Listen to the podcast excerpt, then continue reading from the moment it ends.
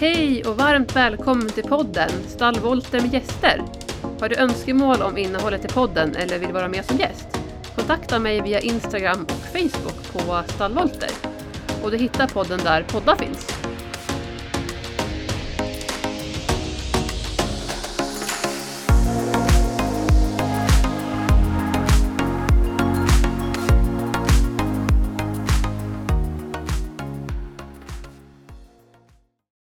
Hej Ylva och Mats! Varmt välkomna till podden. Hej Marie, vad roligt att få vara med i podden. Mm, tack så jättemycket. Ja, men tack själva att ni ville vara med. Jättekul! Och ni har ju ert företag Dalecarlian Horse Academy, DHA förkortas det ju. Och eh, ni ägnar er åt alla möjliga saker tänkte jag säga. Både ni rider bettlöst och ni rider beridigt bågskytte. Och, ja, ni ska få berätta mer om er och er bakgrund och ert företag och allt som ni brinner för. Ja, vem ska börja? ja, vem vill börja säger ni? Jag kan börja. Ja, Mats börjar. Mats Voxmark heter jag och har en bakgrund eh, egentligen från travet sedan jag var liten. Min far hade travhästar. Sen så kommer ju tonår och all, alla andra idrotter in. Och så blir man lite uppskjuten i, i utvecklingen vad det gällde häst och så tog man upp det igen när man var i 30-årsåldern. Landade i västernvärlden och jobbade en del med turridningar och sådana saker. Det, det, är väl min bakgrund så. Sen så har det ju plockat på från när man var 30 år och framåt. Du har ju varit tränare i princip hela ditt liv inom olika... Ja, det är många idrotter som jag har gått igenom. Så det är många karriärer. Mm. En, en gedigen tränarbakgrund. Eh, mm. Och så har vi ju sett till att utbilda oss inom häst då. Eh, ja, sen vi startade företaget. Ja. Mm. Men då, då spinner jag vidare här då. Eh, jag är Ylva, den andra halvan i DHA. Jag har vuxit upp i en familj som eh, hade hästar och satt på en häst första gången när jag var tre. Hästintresset har alltid varit väldigt stort men eh, som så många andra så fastnade jag liksom i ett vanligt jobb i 25 år innan jag beslutade mig för att följa min dröm då. Och jobba med hästar. Och vid den tiden så var Mats och jag bästa vänner och vi började liksom planera att det hade varit roligt att liksom göra verklighet av det här och starta företag tillsammans. Då. Vilket vi sen gjorde. Eh, men jag, ja, traditionellt skolad ryttare, gått på ridskola, tävlade i fälttävlan som ja, tonåring. Fastnade sen för akademisk ridkonst och eh, började rida turnerspel. Och där i den världen då, i medeltiden, så träffades jag och Mats. Så vi brukar säga det, att vi, så gamla är vi. Liksom. Träffades i medeltiden. Ja, vad härligt. Ja. Ja, men vad spännande att höra. Ja, väldigt olika bakgrunder men som det med kompletterar varandra väldigt bra. Det, båda två strålade samman i medeltiden. För det, mm. turnerspelet. De blev den gemensamma nämnaren. Vad häftigt. Mm. Och vill ni berätta om, eh, om företaget som ni driver nu då? Vad är det som ni brinner för? Vad är det som är era grundpelare? Kan, kan man säga så? Mm. Grundpelaren är ju att hjälpa människor och hästar att förstå varandra bättre. Och det har egentligen sitt, hela sitt ursprung i den resan jag gjorde från traditionellt skolad ryttare till att träna liksom med alternativa träningsmetoder. Och det kom i sin tur av en väldigt traumatisk händelse då min häst fick buköppnas 2010. Och det var liksom, eh, han, han överlevde. Det är inte liksom helt säkert att de ska göra det. Men han gjorde det och, och han var liksom ett skelett med päls. Så jag, jag, han var så liksom skör. Så jag kände jag måste hitta ett annat förhållningssätt nu. Jag vill liksom ändra mig. I min, Jag vill mm sätta bett i munnen på honom. Där hade jag ju blivit influerad mycket av Mats då som red bettlöst sedan flera år tillbaks och jag ville liksom hitta ett annat sätt att träna. Så där någonstans, den resan då som, som jag gjorde som blev väldigt liksom raketartad och jag fick en fråga från ett eh, riddarlag då som heter Jämtlandikum om jag ville vara med och rida på ett, ett 20-årsjubileum vid Ekenäs slott. Och då vid den tidpunkten så var jag så innerligt trött på alla fördomar runt arabiska fullblod då, som jag har växt upp med och även min häst är då. Jag sa till Mats att okej, okay, nu har vi ett, ett eh, fantastiskt tillfälle här. Det är en, en stor arena med mycket publik. Tänk om jag bara skulle slå hål på det här fördomsfullheten, att, att araber är stressade och skvättiga och allt så och, och rida honom utan huvudlag. Vill du coacha oss? sa jag till Mats. Och det gjorde han då. Och eh, vi gjorde det den här helgen och det blev en sån wow-grej där så att vi kunde liksom bygga vårt företag efter det för då ville människor det var ju liksom det, det extremaste som, som människan kunde tänka sig på något vis, att man tog ett arabiskt fullblod och så tog man av huvudlaget och så såg man att det funkade att göra det inför publik. Liksom. Så att folk ville ju lära sig då hur man gjorde. Eh, och det, det är det vi fortfarande lär ut då, alla våra de erfarenheterna som vi har byggt alla år med hästar för att skapa en relation och sen då Mats som har tävlat under väldigt många år i beridet bågskytte. Det är liksom den mixen som vi lär ut till människor varje år och det, det känns som att det finns ett väldigt stort behov och vi tycker att det är väldigt roligt att hjälpa. Det har varit en lång utläggning här. Jättebra, jätteintressant. Och man hör ju att ni har så mycket erfarenheter och kunskaper och att ni tillsammans verkligen verkar ja, liksom lyfta varandra och, och som ni säger där, ja, era styrkor väger upp för varandra så att säga. Mm. Det är jättebra.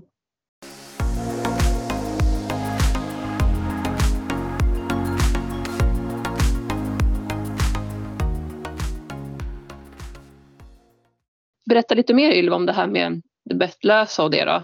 Och hur det kändes för dig. Kanske det här med hur var det att liksom ändra om tänket från att du har ridit med bett då, som du har gjort hela ditt liv och lite olika ridstilar och sånt. Det är en process tänker jag. Liksom, men... Ja, det var skräckvägg skulle jag vilja beskriva det som. Mm. Jag tyckte helt plötsligt att jag, allting som jag hade lärt mig, jag kunde inte rida. Jag sa till Mats, liksom, hur gör jag? Han bara, men du ska bara göra som vanligt. Tänk inte på att det inte sitter ett bett där. Det finns en bild på, på mig första gången jag ska galoppera ett bettlöst huvudlag och jag sitter liksom ihopkrypen sådär som man gör när man, när man blir rädd. Man hamnar lite i fosterställning, framåtlutad upp med knäna och, och liksom håller i sadeln och genial ser jättearg ut. Precis som att lita på mig nu, jag fixar det här liksom. Mm. Eh, så jag har, ju, jag har ju väldigt stor förståelse för den här rädslan som människor kan känna för att man, så var det för mig i alla fall, att jag hade nej men väldigt mycket kontakt i tygen liksom och tänkte att det är det som mer eller mindre eh, styr om jag ska kunna kontrollera min häst eller inte. Så det, det blev ett helt annat tänk och det var en, en, en eh, väldigt spännande och framförallt eh, läskig resa för mig. Och det, mm. Ja, vad säger du Mats? Du hade ju ett enormt tålamod och, och var väldigt pedagogisk och fick ju, han fick ju lura mig att släppa tyglarna för att jag var så himla rädd. Ja, lite, lite där kom ju det här med bågen och bågskyttet in också. För att få bort händerna från tyglarna då, då måste man ju sätta något annat i händerna. Eh, och sen så är det ju som att börja om man får börja om och krypa. Man börjar i skritt och, och tar det igenom gångarterna sen. Det var den vägen vi fick gå och ta det väldigt lugnt. Vara på ställen där både Genial och Ylva var eh, trygga. Miljön är ju väldigt viktig. Mm, och jag tänker att det måste, så måste det ju vara för alla oavsett om man är nervös eller skräckslagen eller känner att det här blir inga problem så tänker jag att man måste alltid börja från början om man ska lära sig någonting nytt. Liksom, så att man inte bara, det är ju inte bara att kasta av huvudlaget eller ja, riva det grimma eller vad det nu kan vara man gör utan det handlar om att ta det stegvis som ni säger och att det här, liksom lära sig från om man rider mycket med bett så det här handlar om att man måste lära sig ännu mer att rida med sitsen och allt det här och hitta sin balans och jag tänker att det och, och det, det är någonting som jag tänker är viktigt för alla, alltså på ett eller annat sätt ju. Jag skulle önska att alla kunde, kunde lära sig det här att rida mer med sätet. För jag har ju också blivit mycket nu akademiskt de senaste åren och inser ju liksom att precis som du sa där Ylva, det känns som precis som att lära sig om att rida, att man inte kan någonting när man sätter sig där. Eh, så jag kan verkligen relatera till det här att börja om liksom och känna att man inte har koll. Och krypa upp i fosterställning tror jag också många kan känna igen sig när man någon gång har varit lite rädd. Man kanske känner att det har gått för fort eller hästen har sprungit jättefort eller vad det nu kan vara. Ehm, så har nog nästan alla kan relatera till det här att krypa ihop liksom och luta sig framåt och spänna sig. Och det handlar om att våga lita många gånger på hästen som ni säger. Ja, och framförallt så tar man ju tyglarna instinktivt det första man gör. Det, när man blir rädd liksom. Och det, och det sänder ju helt fel signal till hästen. Det är ju som att tala om att det här är ju farligt liksom. Precis, då vill den ju ifrån det snarare men ännu mer också det, det trycket vi sätter i, i, i, i munnen på dem. Mm. Ja, eh, då, då, blir det ju oftast att hästarna springer ju ifrån och tittar vi som inom, inom galoppsporten eller travsporten eh, när man tar i tygen så betyder det många gånger att nu gasar vi. Precis. Och ha den kontakten. Men mm. just den här rörelsen att man kryper ihop på fosterställningen. Eh, jag är skidinstruktör också. Ja. Och, och där har man det väldigt tydligt. Eh, just den reaktionen som sitter något så innerligt nedärvt i våra gener. Mm. Det, det, det, är ju att det kallas ju för fosterställning. Vi kryper tillbaks till där vi hade vår absoluta bästa trygghet ever hos mamma. Mm. När vi låg där inne och guppade runt. Liksom. Och det, det sitter i, fastän vi är 55 nu. Och det kommer nog att fortsätta. Och det, mm. det hänger också ihop med balansen. Så går man, bryter man ner det och går tillbaka och det är det vi har jobbat jättemycket med. Så är det just balans. Balans är grunden till hur vi rör oss och när vi sitter på hästryggen. Det är grundnyckeln med alltihop. Så det, det, det är, jobbar vi mycket med på våra läger. Verkligen, och för mig då så, så blev det ju också en, att uppnå en, en mental balans som är minst lika viktig. Att, att liksom vara förankrad med hästen och, och känna nej, att man har mod och tillit. Och det blev liksom ett helt annat sätt att tänka eh, runt att, att sitta på en häst överhuvudtaget. Mm. Så, ja, verkligen. Ja. Balans handlar om balans både i kroppen men som du säger också mentalt. Mm.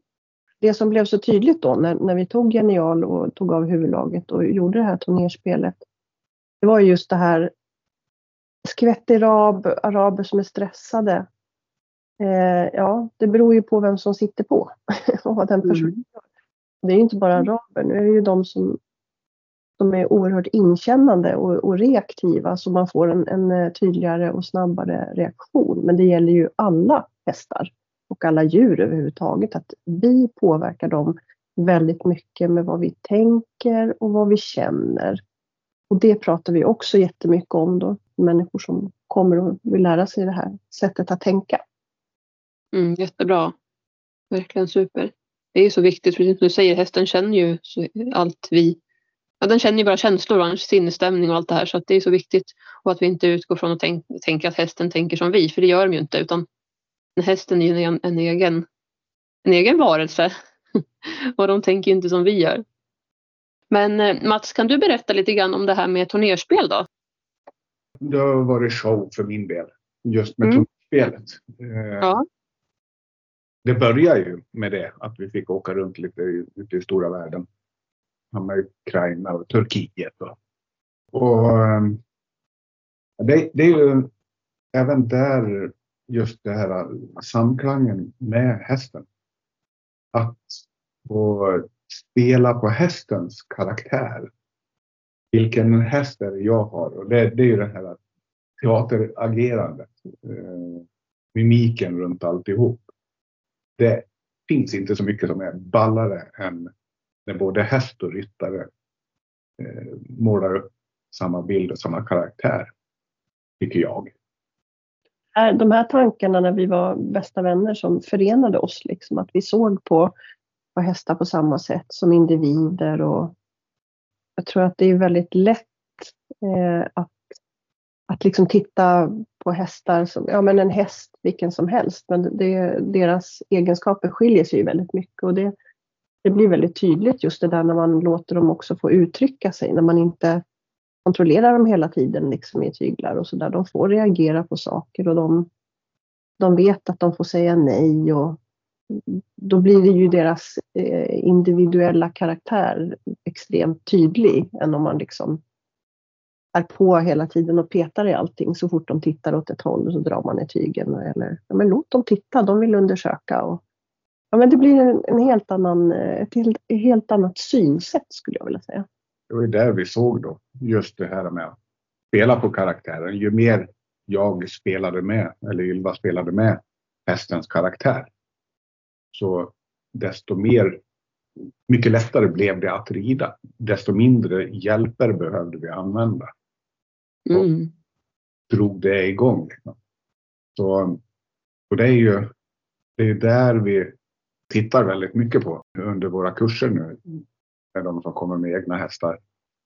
Att eh, läsa hästens karaktär för ryttaren ska kunna följa med in i den och de skapar en förståelse. Det blir lättare att förstå varandra i det. Mm. del av kommunikationen. Det låter jättesant tycker jag.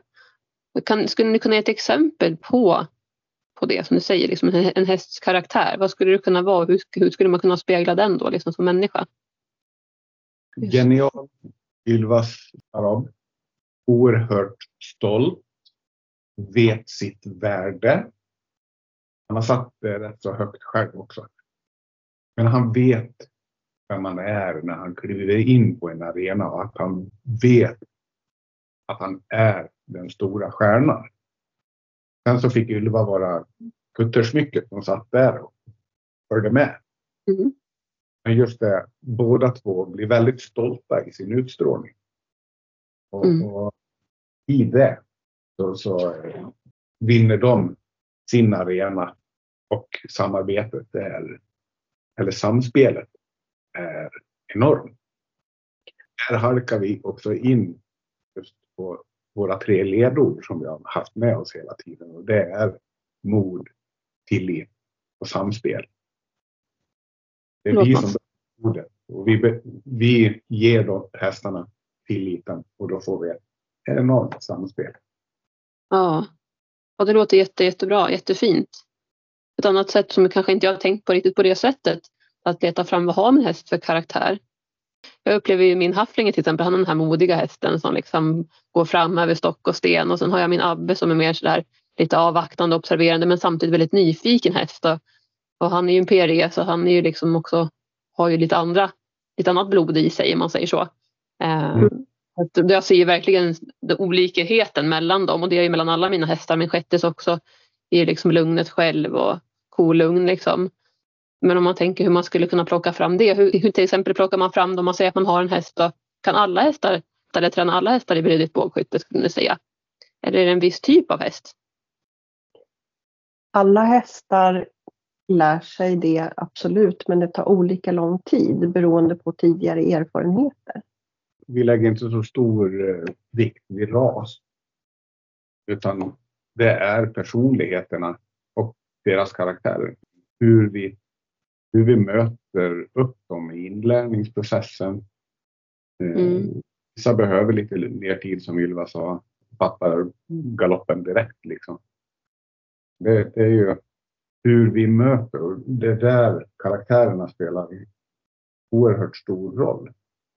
Det som har varit väldigt intressant då när man börjar titta på hästarna på det här viset är ju just att de hästar som allmänt betraktas som bråkiga, stökiga, problemhästar och så vidare. Det är hästar då som har den här integriteten som mm. Och som till exempel, de finner sig inte i att bli bossade med. De vill ha teamwork. Bara genom att ändra perspektivet på en sån häst eh, så blir ju liksom utgångsläget helt annorlunda. Okej, det här är en häst som vill att vi ska vara på samma nivå. Det ska inte vara någon dominans. De vill jobba, göra det här tillsammans. Så det blir liksom, då blir det helt plötsligt inte en problemhäst utan det, det är en häst som har väldigt många fina egenskaper. Så att mm. genom att ändrar vårt perspektiv och tittar på den här individen på ett nytt sätt så kan vi få en helt annan relation. Mm. Och apropå det du sa där också, det här med dominans, så tror jag nog innerst inne att alla, alla hästar, även om de är liksom väldigt, uppfattas som väldigt lugna och trygga eh, och, och tvärtom också, liksom, så upplever, tror jag i alla fall att alla hästar vill ju ha det här samspelet, alltså att vi lyssnar in dem, att vi inte använder oss av dominans, även om det är någonting som jag själv har lärt mig sen, sen barnsben när jag började komma i kontakt med hästar och började rida att man ska dominera sin häst. Men jag tror att man har allt att vinna på att lyssna in hästen oavsett vad den är för, har för personlighet eller vad den visar. Liksom. Tittar vi, tittar vi i en hästflock så, så är det ytterst, ytterst, ytterst, ytterst sällan om ens någonsin vi ser en sån dominans. Eller hur? Så utgår vi från flocken så är det ju inte så att det är någon annan som dominerar hela flocken eller några andra individer. De berättar bara vad de vill göra. Vi har ju kommit fram till att det är, det är vi människor som har ett behov att sätta etiketter på allting och i, i vårt, i vårt system så, så har vi ju hierarki. Eh, och då har vi väldigt lätt då att sätta den etiketten även på, på liksom andra arter som häst. Eh, men vi, vi hävdar ju att det är jättemissförstått i hästvärlden.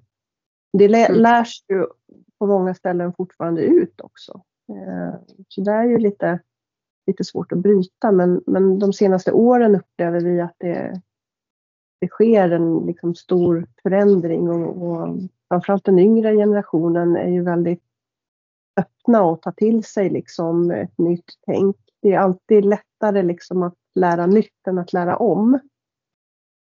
Det sitter ju fortfarande ett väldigt befäst dominanstänk i kraftvärlden överlag. Mm. Och många gånger handlar det om att man själv har en tanke om att vi ska göra det här nu, vad det nu kan vara att man har bestämt sig innan. Att det kan vara till exempel att någon ska iväg på ett träningspass någonstans. Man, man kanske själv har bestämt att vi ska rida det här passet idag, vi ska göra så här och så här och så har man en förväntan på, på hästarna liksom, många gånger. Istället för att liksom lyssna in på vad vill hästen idag? Hur mår hästen idag? Vad kan vi göra tillsammans? Har hästen ont någonstans eller har den spända muskler eller vad det nu kan vara? Det kan ju vara så mycket olika saker. Men, men som du säger, jag upplever också att det, det håller på att ändras eller det har gjort de senaste åren mycket. Och mm. jag tror att vi kommer se ännu mer förändring framåt vilket är absolut jätte, jättekul och till det positiva verkligen. Verkligen. Men det som du säger, det är svårt att lära om. För som sagt, det har jag ju själv fått, fått erfara liksom och det, det tar tid samtidigt också. Liksom. Man och sen när man har lärt sig någonting så inser man att jaha, det fanns det här att lära också. Så det är hela tiden att man lär sig helt nytt. Och det är det som är det roliga och spännande. Och så länge vi utvecklar oss framåt i, i en positiv riktning så är det bra för hästen och det är som är det viktiga, att vi gör det bra för hästen. Verkligen.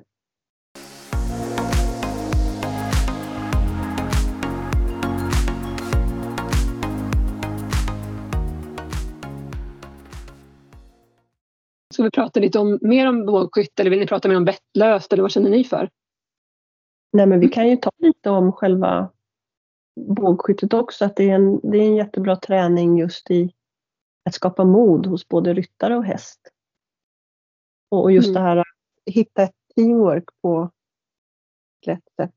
Eh, vi använder ju framförallt beridet bågskytte som ett verktyg just för att få människor att eh, inse att eh, det finns liksom andra sätt att rida på. Man kan rida mer med sits och röst. Det blir väldigt tydligt då som Mats sa. Han satte en pilbåge i mina händer och då kunde jag inte ta i tyglarna. Nej.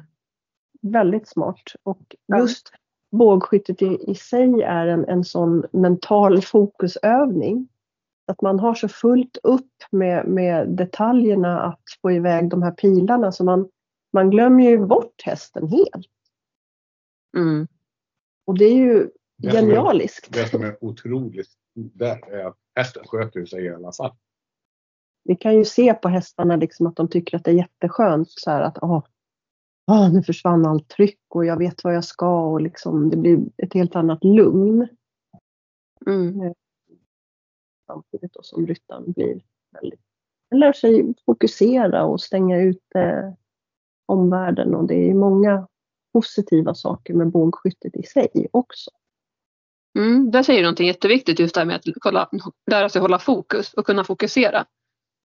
Det är ju så Mm. viktigt både liksom när man rider på hästen men som du säger i det här fallet också när man då när det är bågskytte. Att jag tänker att det är jättebra att lära sig det. Det blir så tidigt och jag tänker att det måste också vara jätteskönt för hästen. För de känner ju liksom att äntligen så har jag, har jag ryttaren med mig, tänker jag. Mm. Alltså, ja. Så det är inte så lätt alltid att hålla fokus. Vi separerar ju all träning mellan ryttare och, och häst. Så rent krasst så lär vi oss att skjuta från marken först och främst. Så vi kan hantera prylarna när vi väl kommer upp på ryggen. Eh, och sen så tränar vi hästen utan båge. Precis som om man rider till inför ett dressyrprogram eller något sånt där. Man lär, sig- lär sig mönstret. Man visar hästen vad som förväntas. Eh, för att sen ta till bågen. Mm. Jag har ju sett på bilder här nu på eran, era konton på sociala medier att eh, just det här när ni rider och utan bett. När ni rider helt vettlöst, Det ser ju jätte, jätte bra ut verkligen. Jag hittar inte ordet här nu men det ser jättehäftigt ut. Det, det är en fantastisk känsla och det, det upplever vi också från, från alla som, eh, som skjuter en, en pil liksom första gången så där och den sitter på tavlan när man rider. Det, det är liksom någon slags urkraft som, som kommer som alla finns begravt i oss alla. Det gäller bara att skrapa på ytan så får vi fram det här. Och eh, Mm. jag tror alla människor har nytta av det liksom i sitt vardagliga liv. Att de hittar den här lilla inre styrkan och det blir liksom det blir mod och det blir fokus och det är många närvaro att vara närvarande på ett helt annat vis. Mm, och det ser ju också väldigt enkelt ut. Jag tänker på de här bilderna som jag har sett och det ser så lätt ut och hästarna ser ju också, också väldigt glada ut. Man ser ju att de trivs också. Det måste ju vara jätteskönt för dem att liksom känna att de inte behöver ha något tryck i munnen och så vidare. Det upplever jag i mina hästar också. Jag kan nästan uppleva att det är lättare att styra utan huvudlag. Eller ja, nu har jag ridit en del med grimma också och sånt där liksom, men på ridbanan att det funkar nästan bättre när man har träns med, med bett. Mm. För det blir, alltså jag upplever också att det blir att man ännu mer, även om jag alltid försöker vara fokuserad när jag rider oavsett om jag rider med bett eller utan bett, så, så upplever jag att det blir ännu mer fokus och ännu mer fokus på, på, på sitsen när man rider utan bett. Och jag upplever att det är det hästen känner då, därför går det mycket bättre. För att den sen äntligen har du fattat. Liksom. Ja, Ja, nej, det, det, det räcker ju att släppa lite grann på tygeltaget. Eh, Ja. så har du en förändring redan där. Och det är det som händer mycket i... Eller det, det är ju det som händer när vi tar bågen i handen och, och släpper tygeln och har den så att den inte ligger och, och påverkar. Oavsett om du har bett eller bettlöst. Eh, då har du en positivare reaktion ifrån hästen. Mm. Men eh, kan ni berätta lite mer om hur ni rider då? när ni rider med sätet till exempel? Alltså hur, hur svänger ni hästen när ni rider utan, utan, helt utan huvudlag och när ni har en pilbåge i handen? Jag förstår att det är liksom en lång process att komma dit, absolut. Men kan ni berätta lite grann hur, hur det fungerar? Eh, just eh, i träningen med hästen så är det de primära hjälperna vi, vi, vi använder oss av. Och då, då säger vi att det är ju röst. Till viss del så lär de sig våra kommandon på röst. Och sen så är det ju balans väldigt mycket också. Gör jag en Mm. balansförflyttning i sadeln, ja då följer ju hästen med. Eh, och sen är det framåt, bakåt i sadeln. fartreglering. Men det är väldigt mycket röst och balans. Det, det är ju de absoluta primära mm. och, och vi har ju valt att träna in det för att vi tycker de här banorna som går liksom ute på fält eller i skogen då är roligast att rida. Det finns ju flera typer av bana, rakbanor, olika längder. Eh, men sen också de som kan gå liksom i kuperad terräng. Exakt, och då har vi från början valt att träna hästarna så att de kan gå sådana banor. Just för att det är, det är roligare både för hästen och för människan som sitter på. Och då, då är det ju väldigt mycket det att man får befästa liksom, eh, röstkommandon först från marken. Vad vi än gör så gör vi allting först från marken. Och sen uppsuttet. Då. Så det, det tar ju lite tid men det är värt det i, i slutändan. Nej, men det förstår jag verkligen. Vi har inte pratat så mycket om eh, belöningsbaserat. Den lägger vi också in så just i eh, upplärningen av mönster och, och, och invänjningen. Det svischar ju ifrån bågen och pilarna flyger. Och det är ju vissa ljud som uppstår när man skjuter. Där brukar vi definitivt lägga in positiv förstärkning. Det finns ju några viktiga grunder just med positiv förstärkning eller belöningsbaserad träning. Nummer ett är ju att man får ett bra pausbeteende. Och nummer två är att Eh, hästen kan förutsäga när belöningen kommer så det inte uppstår någon frustration. Det är alltså paus och det är tydlighet.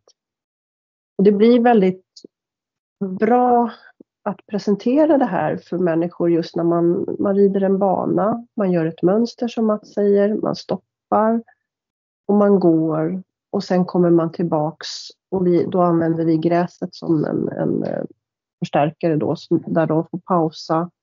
Ryttaren lär sig liksom andas och koppla av. Ehm, så det mönstret har man ju också väldigt stor nytta av i, i sin övriga träning med häst, just att få till ett bra pausbeteende där hästen kan koppla av, där man själv kopplar av. Vi, vi skippar frustrationen, bråket, tjafset som kan bli. Allting går lugnt och fint och vi får en träningsloop som liksom är evig. Det, det, är ett harmoniskt sätt att träna på och vi har ju tyckt att det har varit fantastiskt också att få människor lite nyfikna då på, på det här med belöningsbaserat. För vi började ju använda det i och med att vi tog emot sådana här så kallade problemhästar, krångliga hästar som kanske hade bytt hem väldigt mycket och så. Och vi ser ju liksom att hade vi fortsatt med det här tänket, traditionella tänket då som, som man har blivit Eh, van vid sedan man var liten så hade det inte gått att, att löst de här hästarnas liksom, eh, utmaningar och skolat om dem. Så att just den metoden, belöningsbaserat, är väldigt, väldigt bra på så många sätt. Och då får vi in det också liksom som en liten sån här smyggrej i aktiviteten med rid och skytte och sånt gillar vi. Mm, det låter jättebra. Just som du säger där att få hästen att varva ner och slappna av och känna, känna att de kan pausa ordentligt. Att det blir en sund paus. Ja. Och också det här att ja, man som människa, ryttare, att man också behöver verkligen tänka på andningen och och för hästarnas del, när, som du säger, med att äta gräs till exempel, det blir ett jättebra sätt för hästen att på ett naturligt sätt för dem kunna slappna av och, och mm. också få äta, liksom, vara mätta och belåtna. Och vi har ju haft, eller vi har ju flera eh, liksom som, som tävlar i vanliga tävlingsdiscipliner som kommer eh, årligen och sådär. Och de, i början så är de ju ofta väldigt skeptiska till att hästarna ska äta för då tänker de att det här kommer bli ett problem när man är ute på tävlingsbanan och man vill inte att hästarna ska få mask och det kan vara alla möjliga eh, oro, orosmoment som dyker upp i huvudet. Men hästarna lär sig väldigt fort att det här gör vi på det här stället. Det här huvudlaget använder vi på det här stället och det är skillnad när man kommer på annat eh, håll och sådär. Sen så blir det ofta den utvecklingen hos ryttaren, att de tycker att det här är så det blir så behagligt och så spännande så att de gärna vill fortsätta att lära sig mer om det. Så det blir mm. en bra inkörsport. Ja, jag kan verkligen relatera till det här med, med, här med att, att ge hästen mat och träna belöningsbaserat för att det är ju precis egentligen tvärt emot vad jag har lärt mig när man var liten att nej men hästen ska inte äta, den blir bara tiggig och så vidare. Så att, men jag upplever det jag har lärt mig också genom alla man har pratat med och upplevt själv med mina hästar att det blir precis tvärtom. Att det blir, de blir mycket lugnare när de får äta, när de får sitt tuggbehov tillgodosett och allt det här och att man också kan hamna i det här att pausa lite grann i det man gör också. Att det blir, det säger väldigt harmoniskt och lugnt. Eh, och precis tvärtom. Jag tycker hästarna känns ännu mera tillfreds istället för att vara tiggiga. Så, så länge man också tränar på rätt sätt förstås. Och det är en annan, kanske vi kan ta ett annat avsnitt i så fall hur man, hur man tränar det liksom. Men ja, det är lätt att tro att hästen ska bli tiggig och att det ska bli ett stressmoment. Men som du säger så lär sig hästarna det. Och skilja också på saker. Och... Också att man som människa är konsekvent det, det, behöver inte vara godis, alla de här bra, braiga fina hästgodisarna som finns att köpa. Eller Utan man, man väljer. Vi har ju valt gräset eller en höpåse om det inte finns gräs. Mm. En höpåse kan man ju ha med sig lite överallt. Liksom. Mm, så brukar jag också göra. Det brukar vara gräs och det brukar vara hö. Någon gång har det varit pyttelite lucern och det kan vara lite annat foder. Många gånger så har jag hört också att hästgodis är inte alltid det bästa, om man säga så utan att det finns andra alternativ som faktiskt är bättre. Och också att man behöver inte ta det här som är supergott godis heller. Utan det som hästen gillar lite lagom. Framförallt i början när man ska börja träna det här så kan det vara bra att inte ha någonting som är superdupergott för då kan man ju få den här hästen som faktiskt som är i, i knät på en. Liksom. Så kan det ju bli. Man behöver inte öppna morotsbaren på en gång. Liksom. Nej men eller hur. så är det faktiskt.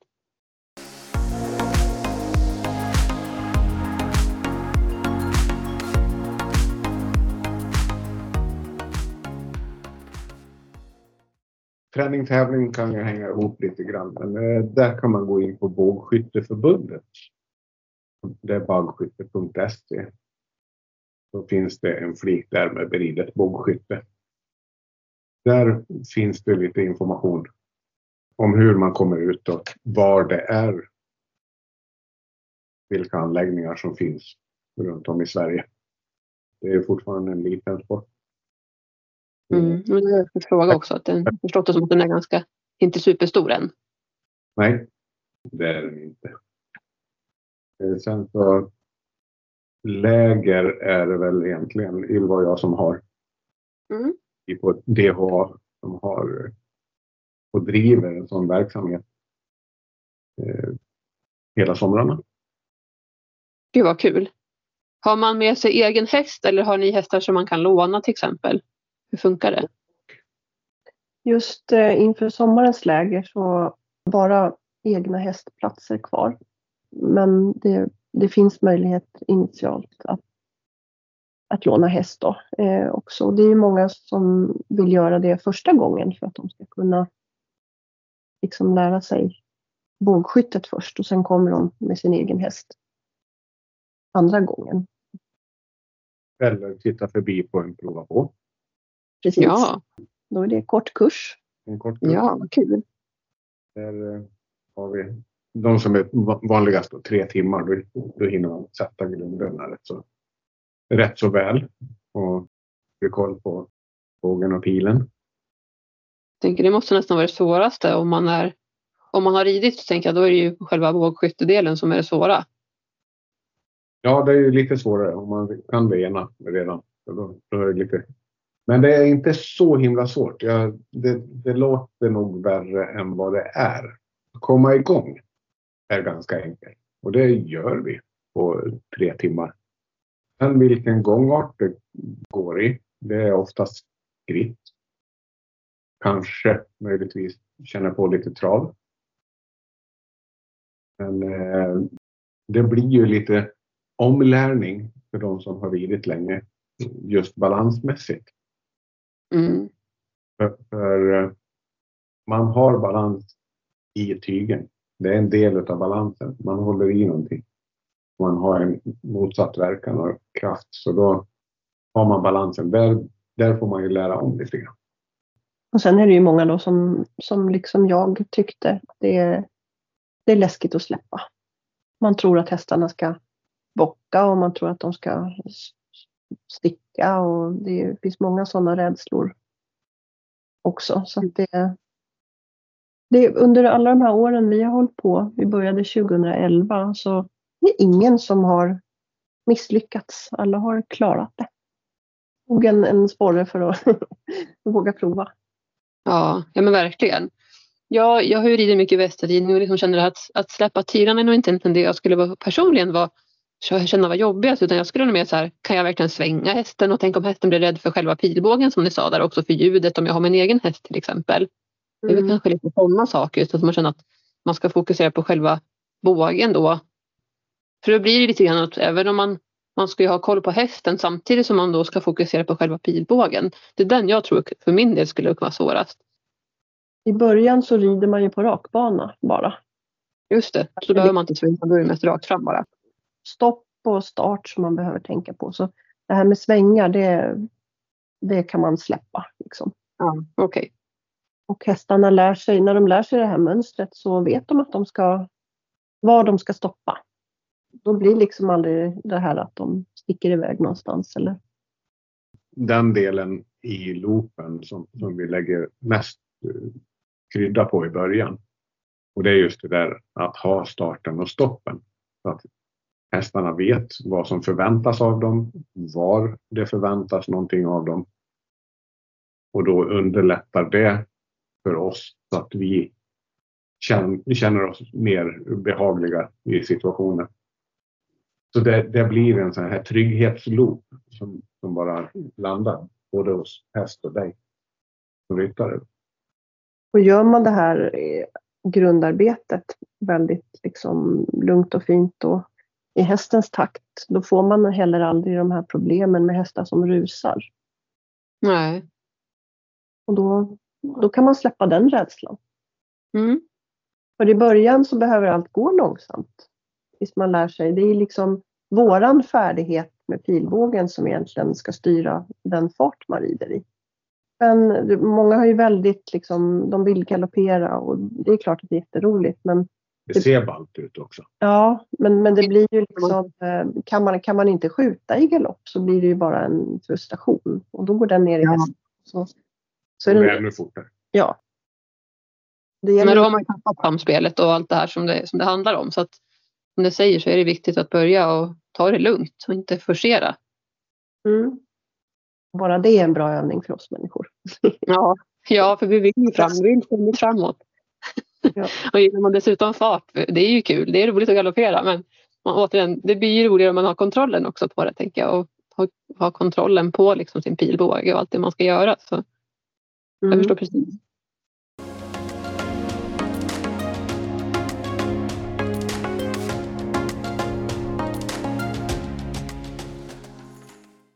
Så om man vill komma i kontakt med er, Ylva och Mats, hur når man er bäst?